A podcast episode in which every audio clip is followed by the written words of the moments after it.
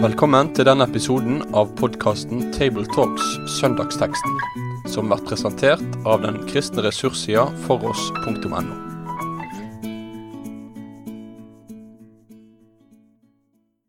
Velkommen til en ny gjennomgåelse av søndagstekst. og Nå skal vi ta for oss eh, palmesøndagsteksten, som i år står i Matteus 26. kapittel fra det sjette verset.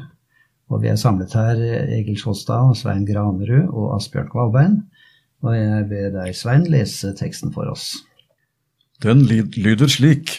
Mens Jesus var i Betania, hjemme hos Simon den spedalske, kom det en kvinne bort til ham med en alabastkrukke med kostbar salve. Den helte hun ut over hodet hans mens han lå til bords. Disiplene så det og ble forarget. Hva skal denne sløsingen være godt for, sa de. Salven kunne vært solgt for en stor sum og pengene gitt til hjelp for de fattige.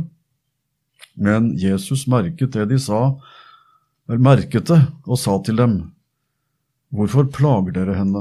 Hun har gjort en god gjerning mot meg.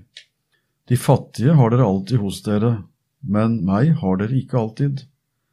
Da hun helte denne salven utover kroppen min, salvet hun meg til min gravferd. Sannelig, jeg sier dere, overalt i verden hvor dette evangeliet blir forkynt, skal også det hun gjorde, fortelles til minne om henne. Ja, det er en sterk og, og, rystende fortelling med det at her er det sånn en rikelig utøsing av salve. Eh, den har gjort såpass inntrykk at den er gjengitt både hos Markus og Matteus og Johannes, men eh, litt forskjell er det jo i, i måten å fortelle på og scenen. Jeg vet ikke om det er så viktig å legge vekt på det, men eh, jeg vet ikke om dere kan gi noe førsteinntrykk av teksten her, og hva som slår dere i møte med den, Egil, f.eks.? Ja, hvis dette er Maria, Lasarus' søster, da, så kan en jo tenke seg at det er takknemligheten og gleden over alt det Jesus har gjort, med at hennes bror, som var død, ble levende. Og Maria hadde jo hatt et nært forhold til Jesus tidligere også. Det står i, i Lukas 10, der eh, Jesus var på besøk hos Martha, Maria og Lasarus, at hun satt ved hans føtter og lytta til hans ord. Så hun hadde et sånt inderlig nært forhold til Jesus ved å lytte til det han har sagt. Og nå har hun også opplevd det han har gjort med å sprenge dødens grense for hennes bror. da. Så det er, noe, det er nok stor takknemlighet som ligger bak denne sløsingen. Det tror jeg òg. Det er jo pekt på av Jesus selv også at det er en eh, forberedelse til Jesu egen gravferd, altså en salving av hans legeme. Samtidig så er det en innvielse av det som nå Jesus skal gjøre, med at han skal ofre seg selv. Eh, og kanskje det også er en foregripelse av at Jesus vasket disiplenes føtter. Så det er mye som ligger i symbolhandlingen her, syns jeg. Og så er det interessant hvis vi ser på andre palmesøndagstekster. Den teksten som folk flest ville tenke på på palmesøndag, er antagelig inntoget i Jerusalem, hvor det er den store folkemassen. Da er det liksom den kollektive oppslutning om Jesus og uh, forberedelsen til det som skal komme. De hilste ham velkommen og uttalte ord som uh, gir gjenklang i dem som kunne profetordene. Så der er det liksom det store kollektive perspektivet som tar imot ham. Og så er det en annen tekst på Palmesøndag også, og det er den som bare fokuserer på den én person, som møter Jesus, salver han, og slik som Jesus også sier, hun har salvet meg til min gravferd. Så det er litt ålreit, uh, for å si det sånn, at vi Palmesøndag både har tekster som tar hele flokken med, og denne her som lar oss møte én en enkeltperson. Og det, det, gjør at vi får flere innsteg til denne spesielle dagen i, uke, i, den stille uke. Det er jo også sånn at uh, palmesøndag, da ropes Jesus ut som Messias, kongen. Riktignok rider han på et esel på trelldyrets fole, står det. Og han er fattig og ydmyk, men han er konge. Mens her så signaliserer Jesus at han skal dø. For han taler om sin begravelse. Tett knytta sammen med begeistringen av at han var Messias. Så denne spennvidden i Jesu person er jo også her, altså at han er både Messias og den lidende tjeneren som skal dø og innvies her til døden. Det da, det, ja, unnskyld, Asbjørn, du først. Jeg tenkte på dette at, eh, at hun salver han og, og, på hans hode. Det var det man gjorde med profeter og konger. Og det var kanskje litt uvanlig at en kvinne gjorde det sånn eh, spontant. Men det er en dyp symbolhandling, og det knytter jo veldig til Jesu inntog i Jerusalem. Ja, jeg har også tenkt å nevne det som du er inne på der, at vi har disse to perspektivene, som også Egil nevnte, at han er Messias og kongen, og samtidig er han offerlammet. Og i jødenes tradisjon, det vet nå alle som har lett litt i Det gamle testamentet, så salvet de kongen, og han fikk salve på sitt hode. Og så hadde de tradisjon med å salve de dødes legemer når de ble begravet, og da var det nok rikdom og velstand som avgjorde litt hva slags salve det ble. Men her har altså Maria kommet med noe som eh, ikke alle hadde råd til. Og det reagerer jo også disiplene på. Men det som er spennende å bruke når vi skal forkynne det her, ikke minst, og personlig oppbyggelig også, det er jo at vi møter nok en gang Jesus som både er kongen og som er offerlammet. Og det er jo de to tingene som holder sammen i hele gammeltestamentlig vitnesbyrd om Messias. At han både er kongen som kommer og skal sitte på Davids trone, og samtidig er han det som ikke minst Jesus samtidig slet som veldig med å forstå, at han også er lammet som skal ofres. Han blir salvet til sin jordeferd. Dette syns jeg det er fint å løfte fram på palmesøndag. Ja, og så er det et aspekt her at det er jo rett og slett sprøtt, det hun gjør, da. ikke sant? ja, det er det. Salve som ville koste en årslønn. Eh, hvorfor gjør hun det? Jeg har nevnt først her at uh, kanskje det er takk og glede. altså. Ja. Du gjør ikke sånn, du satser ikke så mye uten at det er noe som betyr noe kolossalt for deg sjøl. Ja. Og, og, hun tar også sjansen på at hun vil bli kritisert. da, Hun som den andre kvinna vi leser om i Lukas, eh, som kom og satt ved Jesu føtter. altså, De, si, de andre får si hva, hva de vil. Jeg vil vise min store takknemlighet til Jesus og tilbe Jesus og hengi meg til Jesus. Så det er en modell for et godt uh, kristent liv, dette her. Ja, og jeg tror også det må ligge på det dype planet at hun er i slekt med den kvinnen som sa eh, Eller det ble sagt om henne da. Eh, den som lite er tilgitt, elsker lite. Men mange synder er henne forlatt, og derfor elsker hun meget. Lukas 7 står jo der. Jeg tror det er en kvinne som er i slekt med denne, som har opplevd synstilgivelsen så sterkt at uh, det er ikke noe som blir for stort i å gi som gave. Nei, det var jo en Maria Magdalena som ja, uh, hadde noe å takke Jesus for. Hun opplevde vel minst like sterkt som vår Maria her. Det er mange Mariaer i Bibelen. Ja. Um, jeg tenker også at uh, vi skal legge merke til at Jesus tillater henne å gjøre det som disiplene reagerer på. Og Vi kan jo undre over at ikke Jesus oppfordrer til litt mer nøkternhet, som Bibelen for øvrig gjør. Kanskje forteller det noe oss, oss om, vi nøkterne lutheranere som mange av oss er, eh, at eh, Jesus gir rom for lovprisningen, takken, det rause. At våre spartanske holdninger, som det er mange gode ting om, skal ikke prege oss i alle sammenhenger. Det er lov av og til også gjøre noe ekstra når vi ser at vi sammen kan ære Han som både er vår konge, men også vårt soneoffer. Eh, Jesus har noe her. og Det slår meg også ved innledningen til lidelsesvandringen, så sier han jo vi går opp til Jerusalem. Han vil, ha det med seg. Det er ikke bare han, men de skal være med så langt det rekker. Til slutt så er han alene i lidelsen i haven. Han vil ha det med seg.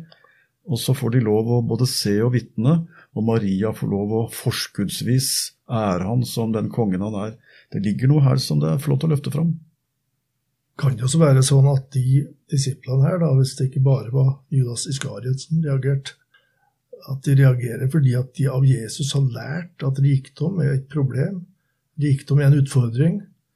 Og Jesus har ifølge Lukas-evangeliet mange tøffe lignelser om rikdom.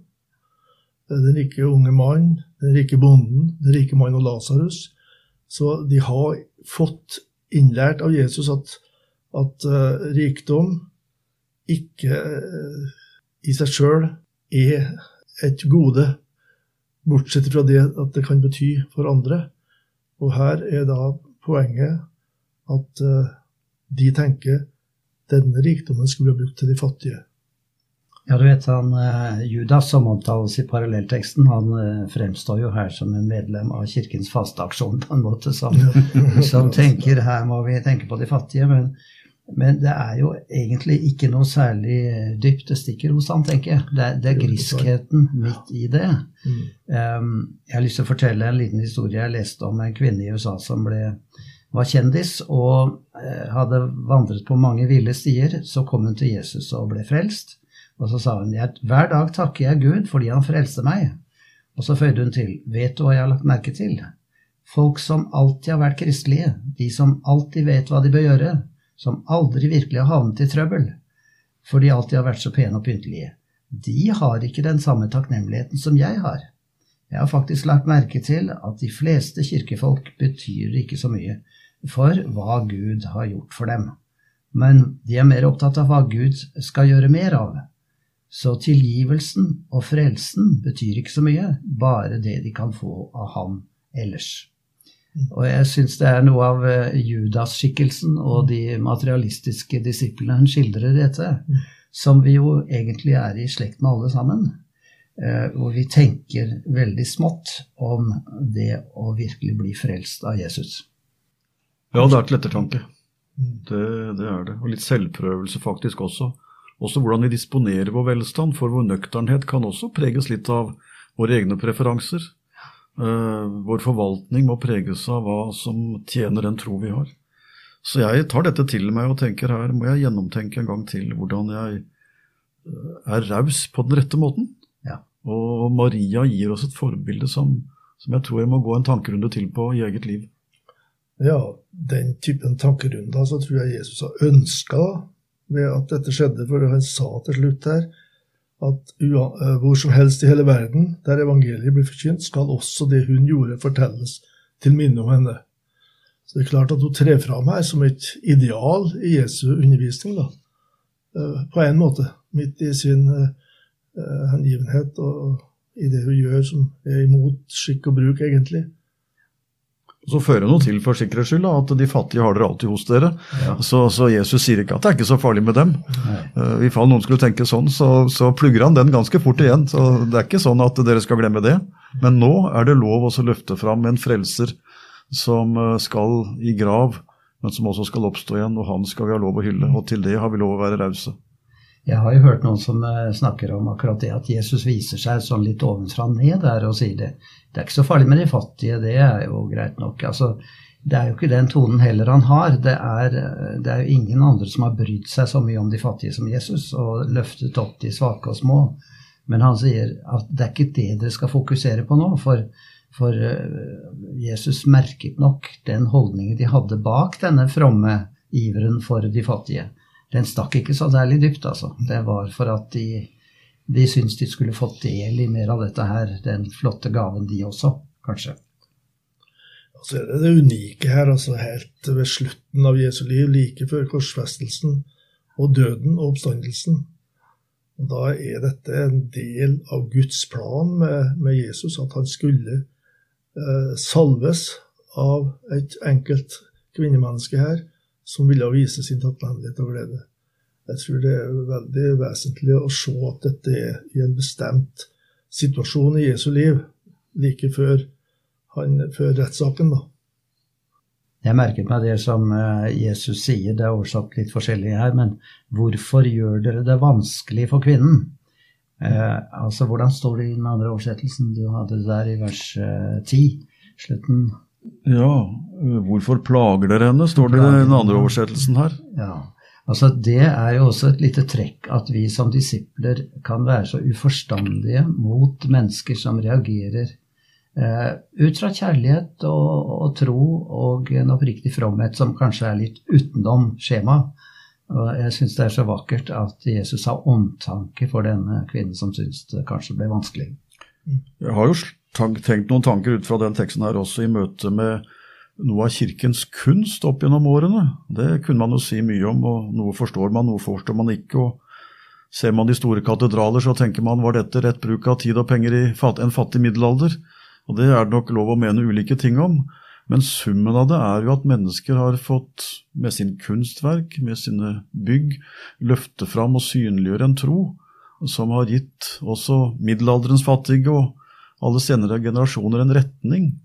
Så det er noe med dette overflødighetshornet som også skal få lov å være der så lenge det løfter opp Han. Og som Egil nettopp sa, dette skjer altså med tanke på hans gravferd, står her. Og da tenker vi på hele hans forestående lidelse og død og oppstandelse, som er sentrum i vår tro. Og der hvor det er sentrum, så tenker jeg at da gjelder rom for både kunst og utsmykning, hvis kirker og forsamlingshus kan synliggjøre det som er troens kjerne. Øh, denne teksten kan gi retning så det blir sunt. Det er sant. For tenk på hva vi setter opp av monumenter i dag. Det er svære, kostbare idrettsanlegg i milliardklassen. Og det er for å dyrke mennesket og de flinke og de dyktige.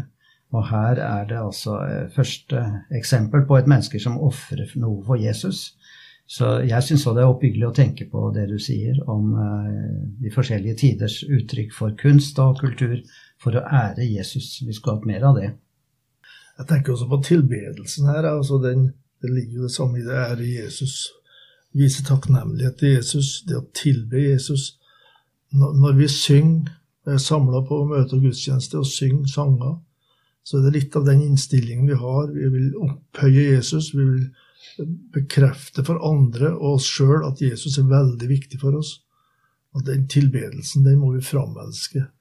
Ikke minst nå når det nærmer seg påske. altså at vi kan ha tatt tid til, å, til bønn, tid til, til tilbedelse og takk og sang, og glede over det som Jesus har gjort og betyr for oss. Og så er det veldig interessant at Jesus samtidig gir oss ikke bare rom, men til og med en oppfordring til å minnes enkeltpersoner. Mm. Og det tenker jeg den kirkehistorien som vi kan, og kanskje den nære historien som vi er del av, vi som sitter her også, har noen personer som vi hver for oss ville si betydde noe for oss. Eh, min tro henger sammen med at det var noen forbilder, noen ledere som så meg og ga meg oppgaver og gjorde at jeg kom på rett spor. Noen som jeg takker Gud for. Eh, og Jesus gir oss på en måte gjennom det han sier om Maria, anledning til å løfte fram mennesker som betyr noe, når de har gjort Jesus stor for oss andre. Så det er ålreit for Jesus at vi ærer Maria for det hun gjør her, så lenge vi ser at vi ærer henne fordi hun løftet fram Jesus. Og det er det mange forbilder på, både i Skriften og i kirkehistorien, på at mennesker får en rolle som vi kan se og takke Gud for, for de førte oss nærmere til Jesus. Det er mulig å bli sint for mange ting. Altså, Jesus ble sint eh, ikke så langt unna her i tid, da han så eh, i tempelet all slags pengevekslere og osv. Det var uretten. Så, så, det var en rett og god sinne. Men tenk på her var det disiplene og Judas i spissen som ble sinte over tilbedelsen, rett og slett. De ante ikke liksom det som lå bak. Og derfor er det jo veldig viktig det vi fremhever her, at uh, det er nesten ikke for noe som er for stort til å gi til Jesus, altså. Han uh, setter oss på rett plass når det gjelder å, å gi gaver som er unyttige, men hvis de ærer ham, så er det noe av det beste vi kan gjøre.